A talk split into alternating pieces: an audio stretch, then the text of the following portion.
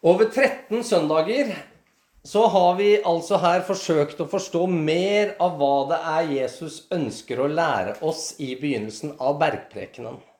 Og i dag så har vi kommet til den voldsomme konklusjonen som vi finner i slutten av kapittel 5.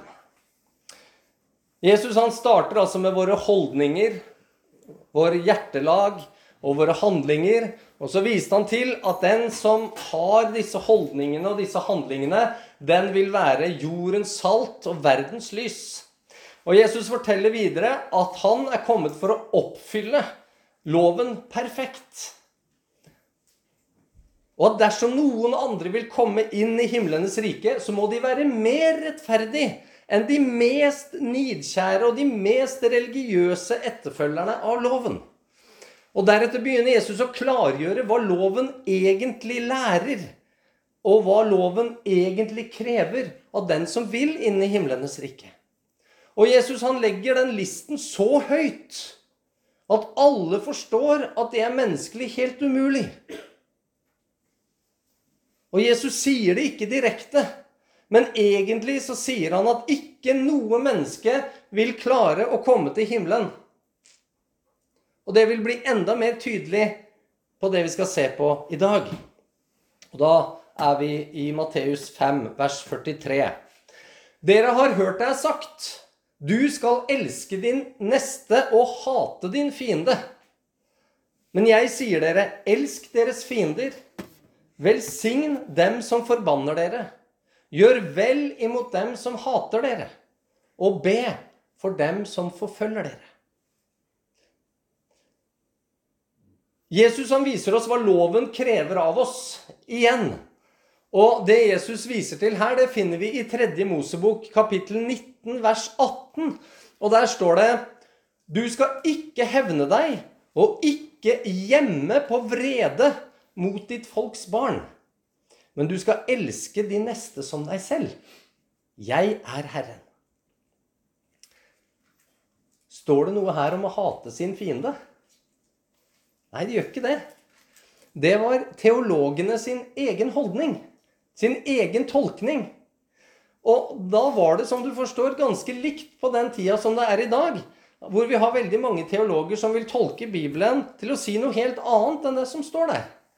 Som åpner opp for muligheten som teksten ikke sier noen ting om.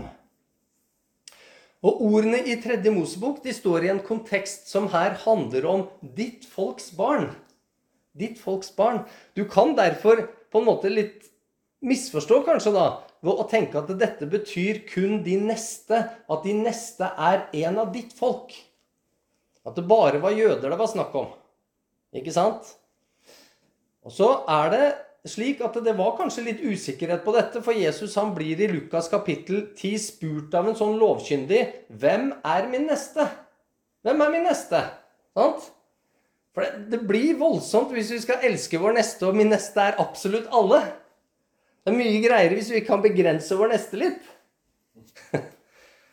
mm. Men det står ikke her i Tredje Mosebok at eh, man skal elske sine fiender. Det står ikke det. Det sto ikke det heller. Og da kan du tenke Hvorfor sa ikke Gud med en gang det rett ut. At du skal elske dine fiender. Hvorfor sa han det ikke der med en gang, slik at vi unngikk misforståelser? Og Jeg skal ikke late som at jeg kan løse opp i akkurat det, for det kan jeg ikke. Men det er et par ting som jeg har lyst til å peke på. Gud, han er fullkommen. Og Det betyr også at måten Gud har åpenbart ordet sitt, rekkefølgen Gud har åpenbart ordet sitt, det er gjort perfekt. Det er en hensikt som har en oppgave i å formidle og få utretta Guds plan og Guds frelse på.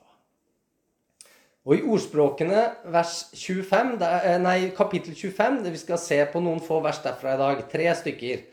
Og I vers 2 så står det det er Guds ære å skjule en sak. Men kongers ære å granske en sak. Gud setter altså sin ære i å skjule en sak. Merkelig.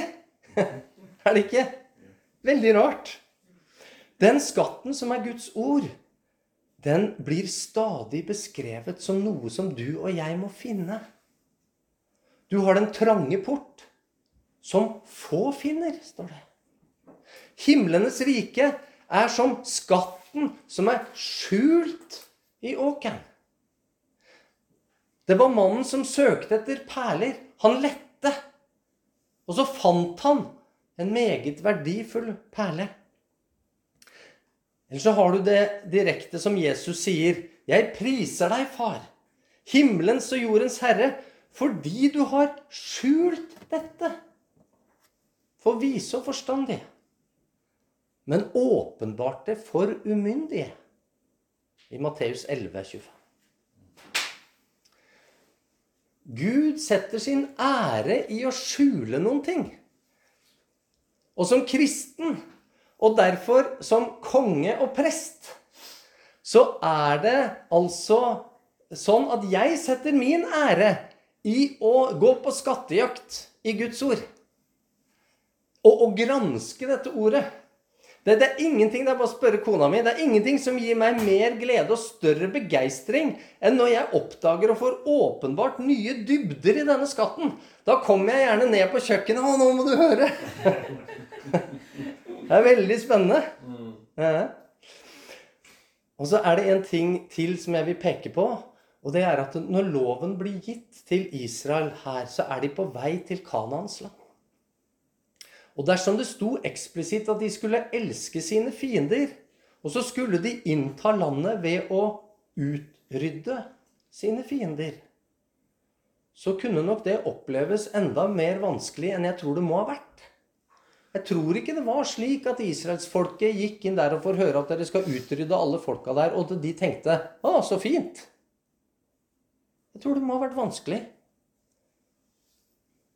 Og det reiser et stort spørsmål for oss også. Hvem er våre fiender? Hvem er våre fiender?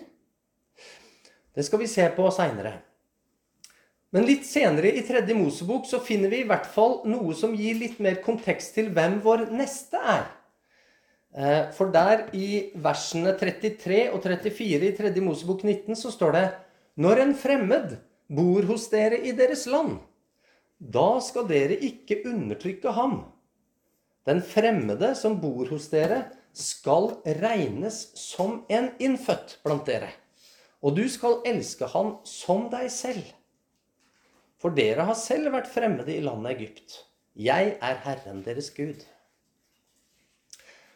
Der får vi i hvert fall en utvidelse av hvem vår neste er.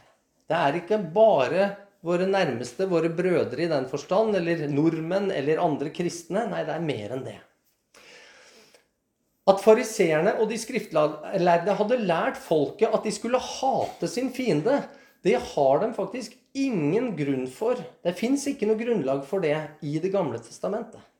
Snarere tvert imot.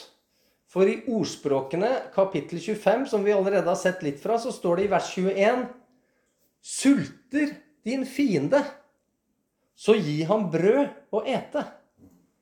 Tørster han, så gi han vann å drikke. Og dette prinsippet Det er så herlig med Gud på den måten, for han gir ikke bare lover sånn, sånn teoretisk, men han viser det i praksis, hvordan han ofte følger det. Og dette viste 200 år etter at Salomo skrev dette ned, så viste han det ved profeten Elisha. Eh, og da var det et nordrike som het Israel, og et sørrike som het Juda.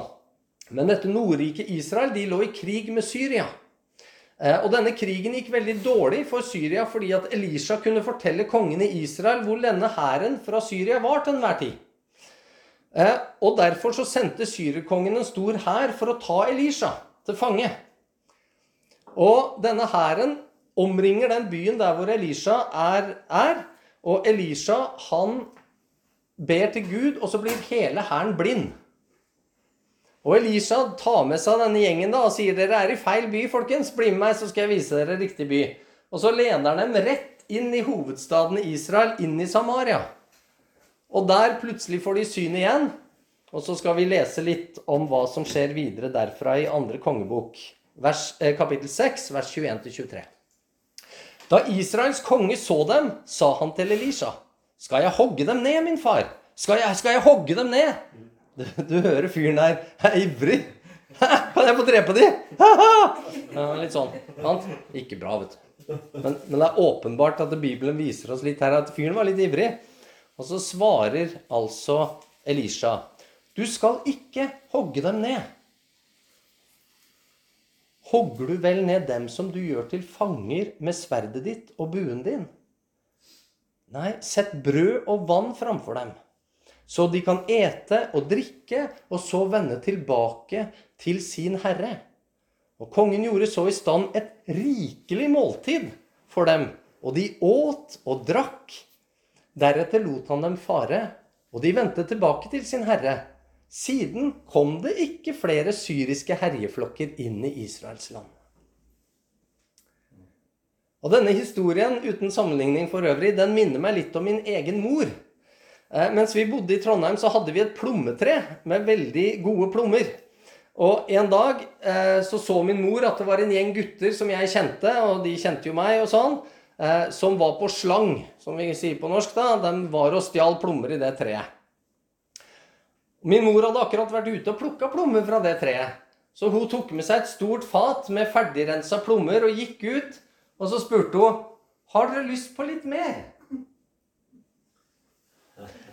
Har dere lyst på litt mer? Etter den historien, eller etter det, så hadde ikke vi heller problemer med flere herjeflokker i det treet. Vi hadde ikke problemer med, eple, eller med, med slang eller tyveri fra det treet. Verken for Elisha eller for min mor så handlet denne måten å elske sine fiender på noe om følelser. Det, det, handlet om en indre holdning. Det handlet om en vilje til å handle i pakt med det som er rett, og det som er sant. Det som er sant om menneskers verdi. Det handler om å gjenspeile hvem Gud er. Og Gud, han er nådefull. Han er langmodig. Han er rik på miskunn. Så skal jeg si noe som kanskje er litt sånn Kanskje litt satt på spissen, men det er egentlig ikke det. Men jeg vil også hevde å elske handler ikke om følelser. Men å bli elsket kan skape gode følelser.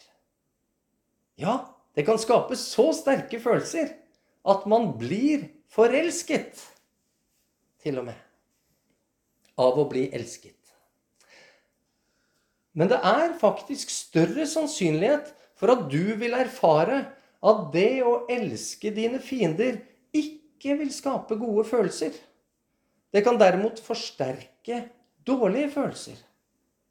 Når du elsker rett, når du viser godhet Men du er også rettferdig, og du er sann du snakker sant, så kan det være at du får en helt annen respons enn gode følelser. Kjærligheten den er nemlig aldri passiv. Den, unngår ikke mennesker. Den, den, er ikke lunken til sin neste. Den er ikke sånn at ja, ja, du kan få gjøre ditt, og jeg kan få gjøre mitt. og Det er ikke denne passive kjærlighetsbudet som vi har fra Torbjørn Egner sin kardemommelov. Du skal ikke plage andre, man skal være grei og snill, og for øvrig kan du gjøre som du vil. Nei, det er en passiv kjærlighet som ikke bryr seg om andre. Den bryr seg ikke om hva de gjør, bryr seg ikke om hva de mener i det hele tatt. Men elske sin neste som det er seg selv, det er en aktiv kjærlighet. For det er sann kjærlighet. Den er aktiv. Kjærligheten er altså aktiv. Den går ut med et fat plommer. Den unngår ikke å konfrontere det onde. Men den handler, og den taler sant. Og Jesus, han elska sine fiender fullkomment. Og de hata han for det. De hata han for det. Og igjen så er vi tilbake igjen til ordspråkene for tredje gang i dag, som konkluderer med at å elske sine fiender, det er som å sanke glør, glødende kull, på deres hode. Jeg vet ikke om du har prøvd å ha glødende kull på hodet ditt. Jeg ville ikke anbefalt det, men jeg tror ikke det er så veldig behagelig. Eh, etter hvert som det svir seg gjennom lua di og håret ditt, og sånn, så begynner det å bli direkte ubehagelig. Eh, Og slik er det. Jo mer glør du får samla på hodet ditt, jo mer ubehagelig er det.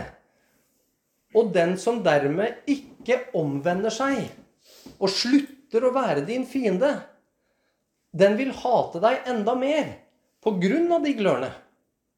De gode gjerningene du har gjort, den sannheten du har sagt, det vil få de til å hate deg mer. Jesu ord om å elske sine fiender står jo i en kontekst her i bergprekenen. Den som har og gjør disse sju holdningene og handlingene som vi leste om i saligprisningene, de vil altså da garantert oppleve den åttende saligprisningen. De vil bli forfulgt. De vil bli forfulgt. Dets mer perfekt du klarer å elske, dets mer vil du bli forfulgt. Det er det store paradokset. Og jeg ikke bare tror, men jeg vet at de fleste som kaller seg kristne i vårt land, de aner ikke hva dette innebærer. De aner ikke engang hva det vil si å ha fiender. For deres liv og forståelse av hva kristendom er, handler om å være snill. Det handler om å være passiv. Om å, å godta alt mulig. Det handler lite eller ingenting om å elske slik som Bibelen definerer hva å elske er for noen ting. Og jeg tror faktisk at de fleste ikke engang er klar over hva en fiende er. Har du noen fiender? Jeg har fiender. Det finnes mennesker som aktivt motarbeider meg, som har forsøkt å få meg fjernet ifra posisjoner, fra innflytelse og fra muligheten til å forkynne Guds ord. Og, og slik blir det når man blir aktiv. Når man står for noen ting, og når man vil forkynne det som Bibelen lærer. På Facebook så er det delt et sitat som blir tilskrevet Winston Churchill, men det er ikke Winston Churchill sitt sitat. bare at det er sagt veldig tydelig. Det er muligens en omskrivning av noe som Victor Hugo skrev før Winston Churchill var født. Men i hvert fall så går dette sitatet slik Har du fiender? Bra! Det betyr at du har stått opp for noe en gang i livet ditt. Den som vil stå opp for sannheten i Guds ord, vil få mange fiender. Svært mange, faktisk. Nå skal vi lese litt fra Jakob kapittel 4, vers 4. Vet dere ikke at vennskap med verden er fiendskap mot Gud? Den som vil være verdens venn, blir Guds fiende. Enhver som vil være venn med verden, er Guds fiende. De vil derfor også være en fiende av dem som hører Gud til. Om du er Guds barn, så er du som Elisha når denne store hæren kom med syrerne. Du er omgitt av fiender. Overalt rundt deg så er det fiender. Men som Elisha fikk vise tjeneren sin, som ble fryktelig redd, så Eh, for dere som kan historien, så får altså Elisha åpne opp øynene på denne tjeneren, og han får se en hærskare av engler som står rundt der. Og så sier Elisha, og det gjelder også oss som er omgitt av fiender, frykt ikke. De som er med oss, er flere enn de som er med dem. De er i hvert fall sterkere. Jeg tror de er flere òg, men de er i hvert fall sterkere også. Kristne skal elske sine fiender. Kristne skal fortelle dem sannheten, vise dem godhet, reflektere Guds karakter og deres verdi som skapt i Guds bilde. Kristne har altså ikke en kamp mot våre fiender. Vi har ikke noen kamp mot våre fiender, for vi har ikke en kamp mot kjøtt og blod, men mot maktene, mot myndighetene, mot verdens herskere i dette mørket, mot ondskapens ånde her i himmelrommet. I Efeserne 6,12 står det. Så fiender har vi rundt oss overalt.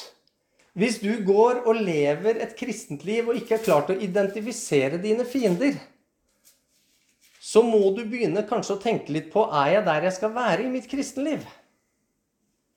Lever jeg slik som Bibelen sier? For vennskap med verden er fiendskap mot Gud. Hvis du ikke har noen fiender hmm. Så begynner Jesus å differensiere. For selv om vi er omgitt av fiender, så er motstanden som disse fiendene gir oss, forskjellig. Eh, de fleste er passive. Men noen blir mer aktive. Overraskende for mange så vil det være at de som først blir aktive fiender, det er mennesker som også vil kalle seg kristne. Men man bør jo ikke bli så veldig overraska, egentlig. For slik var det jo også med Jesus. De som først begynte å stå Jesus etter livet, det var jo andre som også kalte seg kristne, eller altså andre troende mennesker. Det var de som fikk han hengt på et kors. Og så står det i Bibelen at de som på, i endetiden vil overgi kristne mennesker til å bli drept, de vil tro at de gjør Gud en tjeneste. De vil tro de er kristne, de òg.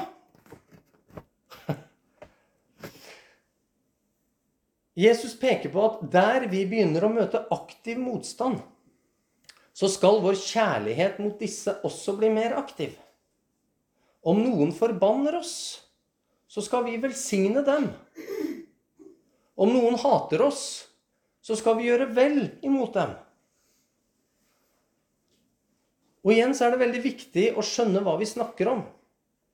Siden vi gjerne vil oppleve at det er de vi har mest kontakt med, der vi har størst innflytelse, de sosiale kontaktpunktene og de samfunnene vi er en del av, det er de som først vil begynne å gi oss aktiv motstand. Eh, og siden man er kristen, så henger man kanskje i mange kristne miljøer. Og det betyr at man ofte da først vil oppleve motstand fra kristne miljøer. Og det er ofte her mange virkelig begynner å spore av, fordi man tenker på det å elske som følelser og ikke handlinger, rettferdighet og sannhet bygga på bibelske prinsipper.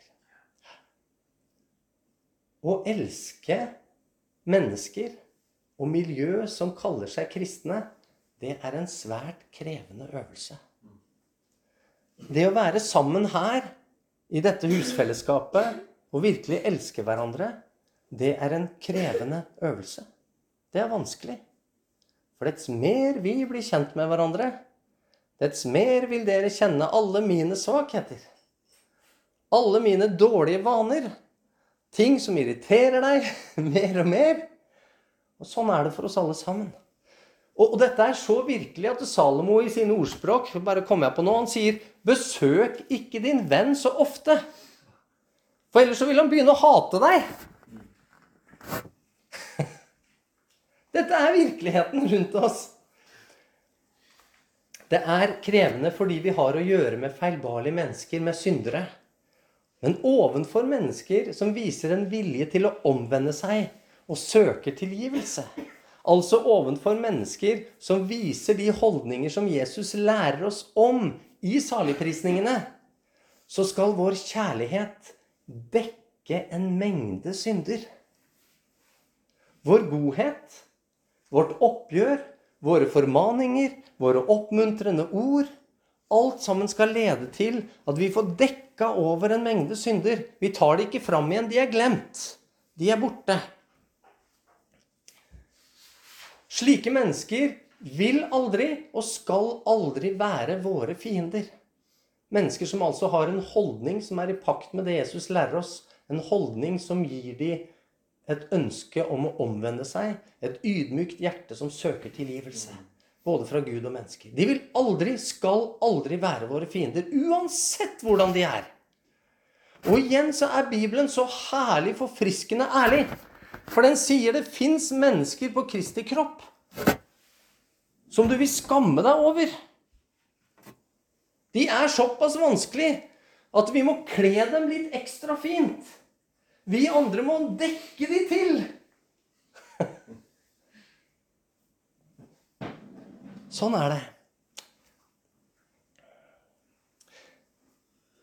Så disse menneskene er brødre. Men som kristen så vil vi også ha å gjøre med mennesker som ikke ønsker å omvende seg. Og som ikke søker tilgivelse. Som vil fastholde at det er rett å gjøre det som Bibelen sier er feil, som er galt. Som ikke søker noen tilgivelse for slike handlinger og slike holdninger. Og så begynner Paulus å beskrive hvordan kjærligheten til dem skal se ut. Altså mennesker som kaller seg kristne, men ikke vil omvende seg. Og Det kan vi lese om i 1. Korinterbrev, kapittel 5. Det er i vers 9-13. Jeg skrev i brevet til dere at dere ikke skal ha noe å gjøre med folk som lever i hor. Jeg mente ikke alle i denne verden som driver hor, eller er grådige, eller er ransmenn og avgudsdyrkere. Da måtte dere jo gå ut av verden. Det jeg mente med det jeg skrev, var at dere ikke skal omgås en som kalles bror, og som likevel lever i hor, eller er grådig, eller som er en avgudsdyrker, spotter, drukkenbolt eller ransmann. Slike skal dere heller ikke spise sammen med. Hva har jeg med å dømme dem som er utenfor? Er det ikke dem som er innenfor, dere skal dømme? Dem som står utenfor, skal Gud dømme. Få da den onde bort fra dere. Jeg vet ikke hvor mange ganger jeg har møtt kristne. Mennesker som kanskje har vært kristne i alle år, og de er langt oppe i 70-åra, og som kommer til meg og sier du skal ikke dømme andre kristne. Har de lest sin bibel? Jeg kan peke på mange flere steder enn dette som pålegger meg som kristen å dømme en annen kristen. Det er det jeg skal gjøre. Jeg skal selvfølgelig gjøre det ydmykt. Jeg skal selvfølgelig gjøre det på en kjærlig måte som har dems ve og vel, og ikke fordi jeg skal hevde meg selv eller på noen måte heve meg over dem, men at vi skal dømme. Og vi skal altså få den onde bort fra oss. Dersom det altså er noen som kaller seg kristne, som forbanner deg eller hater deg, så kan det å velsigne og gjøre vel mot dem være å måtte tale dem til rette. Og dømme de. Og skille seg fra dem dersom de ikke vil omvende seg. For de som derimot er på utsiden, eh, som ikke vil kalle seg kristne, der vil velsignelse og gode gjerninger arte seg eller være på en helt annen måte. Og de skal vi ikke dømme. Og vi skal ikke skille oss fra de. Og det er jo det Jesus gjør òg. Han går inn til de. Han sitter der med bord og spiser med syndere og tollere osv. Han skiller seg ikke fra de, han dømmer de ikke, men han møter de med kjærlighet og med godhet og med ovenbærenhet. Og Vi må klare å ha disse to tankene i hodet samtidig. Jeg tror derimot ikke mange som kaller seg kristne i vår tid, opplever å ha fiender. Verken på innsiden eller på utsiden. De aner ikke hvordan de skal velsigne eller vise godhet mot fiender. For det er ingen som forbanner dem. Det er ingen som hater dem. Og er ikke det litt merkelig når Jesus sier det slik i Matteus 10? Og dere skal bli hatet av alle for mitt navns skyld. Men den som holder ut til enden, han skal bli frelst. Det er i vers 22 i Matteus 10.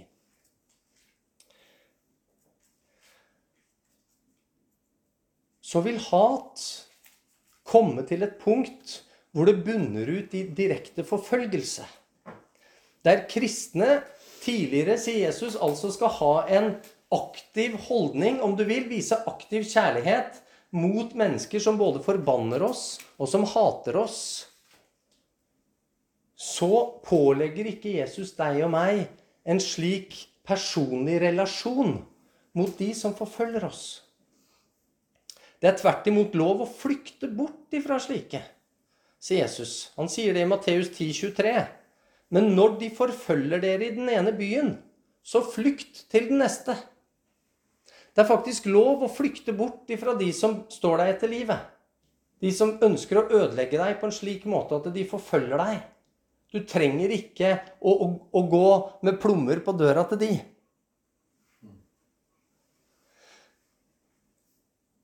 Likevel så skal ikke vi som kristne forholde oss passive til de heller. For kjærligheten er aldri passiv. Nei, kristne skal arbeide for å opprettholde rette holdninger i seg selv. Også mot slike. Og det gjør vi ved å be for dem. Vi skal be for dem. Jeg tror det kanskje er for dems skyld, ja. Men jeg tror det kanskje aller mest er for vår egen skyld. For at ikke kjærligheten i vårt hjerte skal bli kald. Derfor må vi minne oss på disse og be for de som forfølger oss. Hvorfor skal vi leve slik, da? Og, og, kan vi forstå mer av hva dette innebærer i praksis? Jo, da går vi videre i Matteus 5, i vers 45. Vi skal leve slik for at dere kan være barn av deres far i himmelen. Det er grunnen. For han lar sin sol gå opp over onde og gode, og lar det regne over rettferdige og urettferdige. Vi må altså leve slik for at vi i det hele tatt kan være kristne. Vi står altså overfor et enormt dilemma her, hvis dere har begynt å se det. Vi har å gjøre med holdninger og handlinger som du og jeg ikke makter å etterleve. Men som det kreves av oss dersom vi skal være Guds barn. Dette er et problem, hvis vi forstår dette. Vi skal leve slik fordi det reflekterer hvem Gud er, og Guds vilje. Og når vi skal forstå hvordan vi skal leve ut den kjærligheten det her snakkes om, så må vi altså forstå hva er det Jesus her forteller oss om Gud. Hva er det Jesus forteller oss om Gud? Jo, Gud lar sin sol Stå opp over onde og gode og lar det regne over rettferdige og urettferdige. Hvorfor gjør Gud dette? Jo, svaret er veldig logisk. Det er veldig enkelt. Han gjør det for at vi skal kunne leve. Uten sol og regn så dør vi.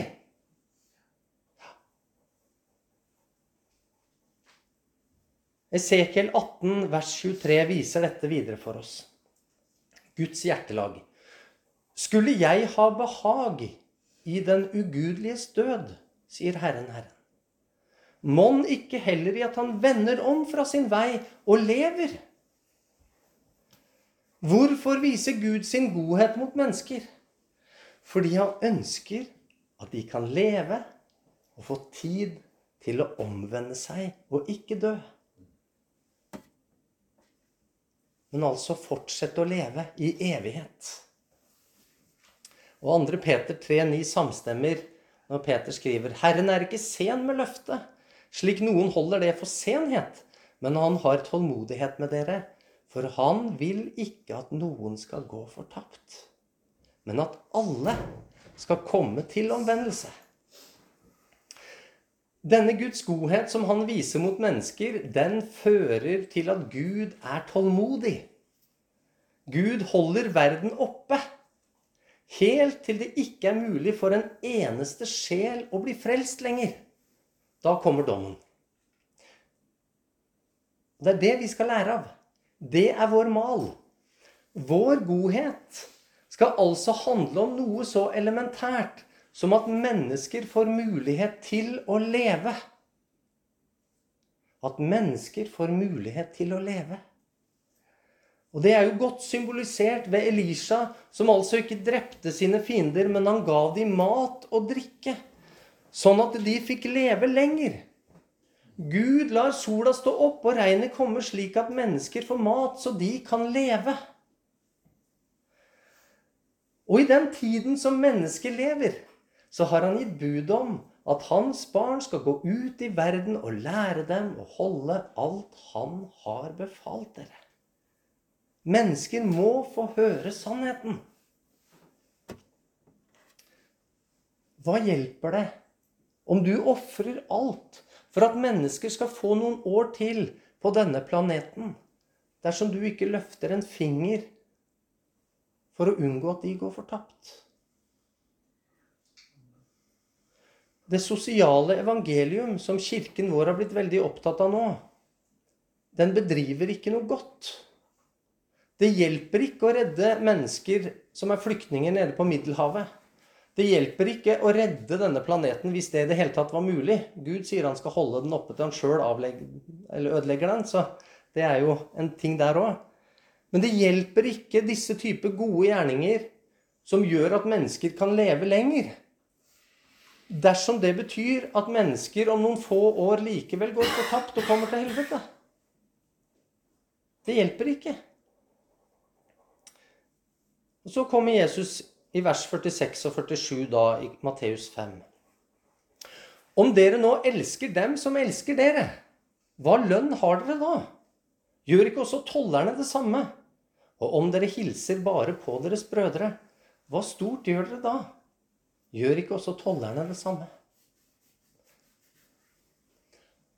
Om vår godhet, om vår tålmodighet, om vår rettferdighet, om vår sannhet bare blir delt med de som allerede er kristne, hva lønn har vi da? Hvilke skatter har vi da samlet i himmelen? Da er vi ikke bedre enn tollerne, sier Jesus. Og dette er et ekstremt sterkt bilde som Jesus bruker. Tollerne ble regna som landsforrædere. Jesus sier at dersom din kjærlighet ikke gjelder de som står utenfor himlenes rike. De som er venner med verden og fiender av Gud. Dine fiender. Så er du en forræder for ditt hjemland. Du er en forræder av himlenes rike. Huh. Rett etter denne kalddusjen. Dette er en kalddusj.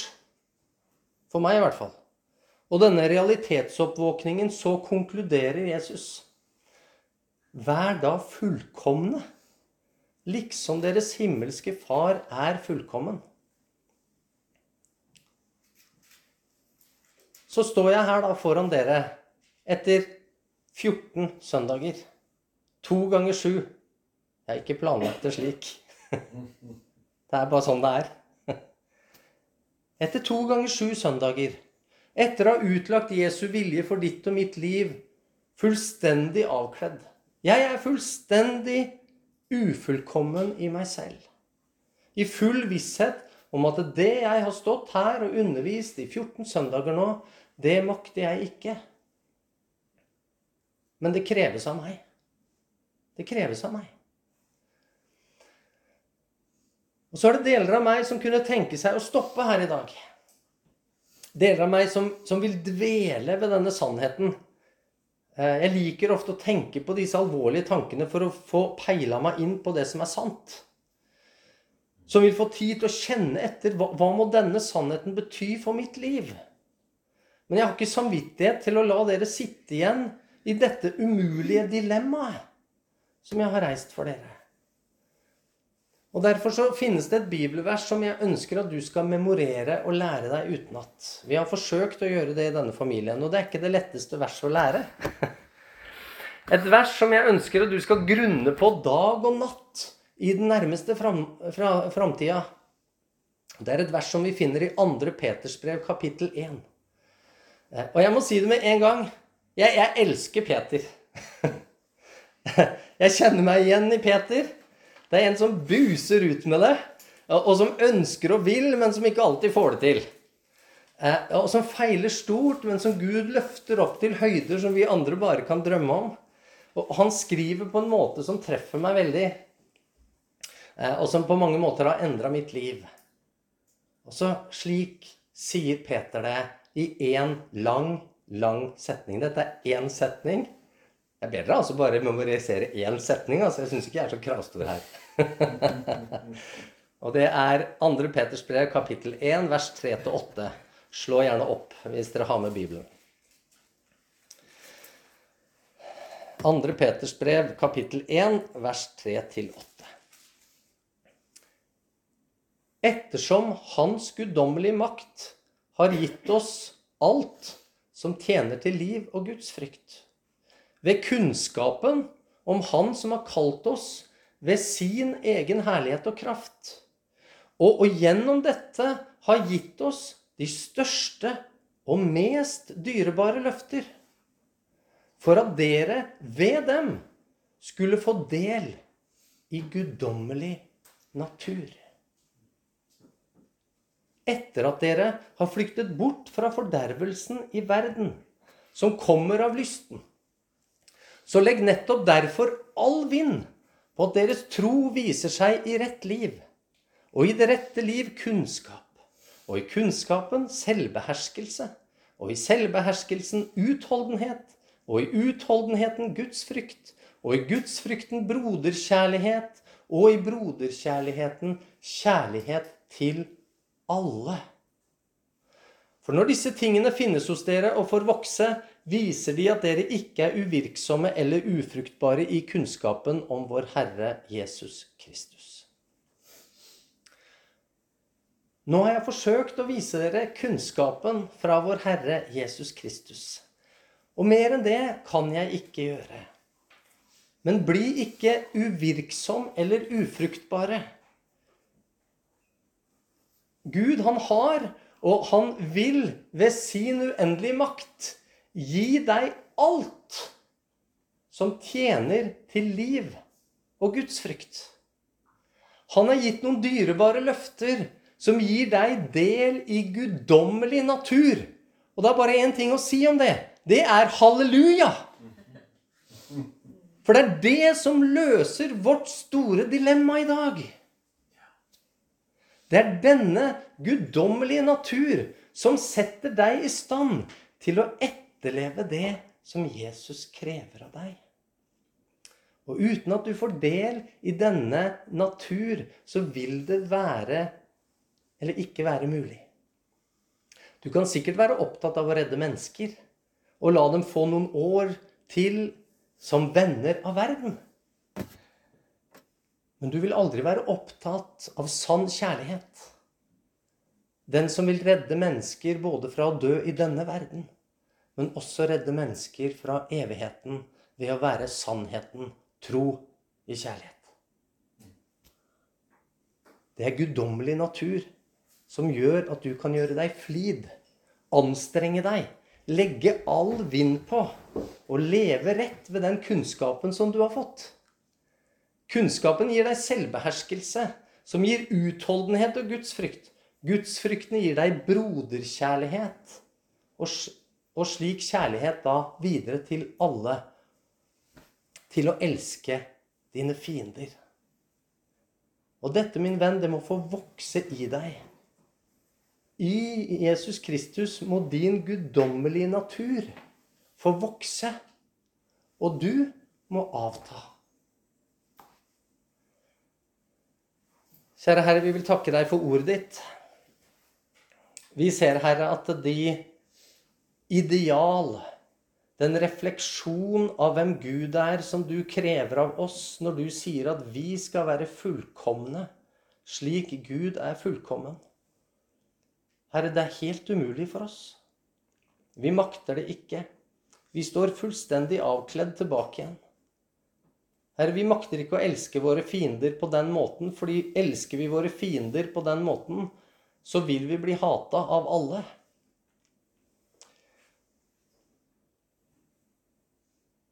Og Derfor så takker jeg deg, Herre, for at du har gitt oss del i guddommelig natur, den som ønsker å tro på deg.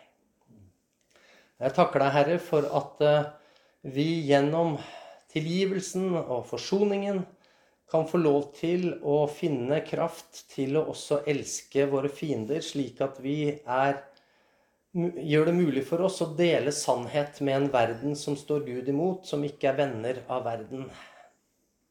Med mennesker som er venner av verden. Vi ber deg, Herre, om at vi kan få lov til å ta imot denne nåden og få dette synlig gjennom nattverden i dag. Må du velsigne det. Må du velsigne hver enkelt som er her, Herre, i den tjenesten som du har satt oss inn i hver enkelt. Amen.